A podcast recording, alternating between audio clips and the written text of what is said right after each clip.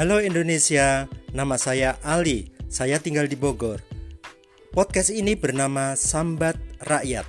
Semoga bisa menjadi saluran untuk mengutarakan sambat atau keluh kesah rakyat kecil, wong cilik, dan rakyat jelata pada umumnya. Dengan demikian, suara mereka semoga bisa didengar oleh para penguasa negeri, karena sesungguhnya mereka pun adalah para pemegang saham republik ini. Tapi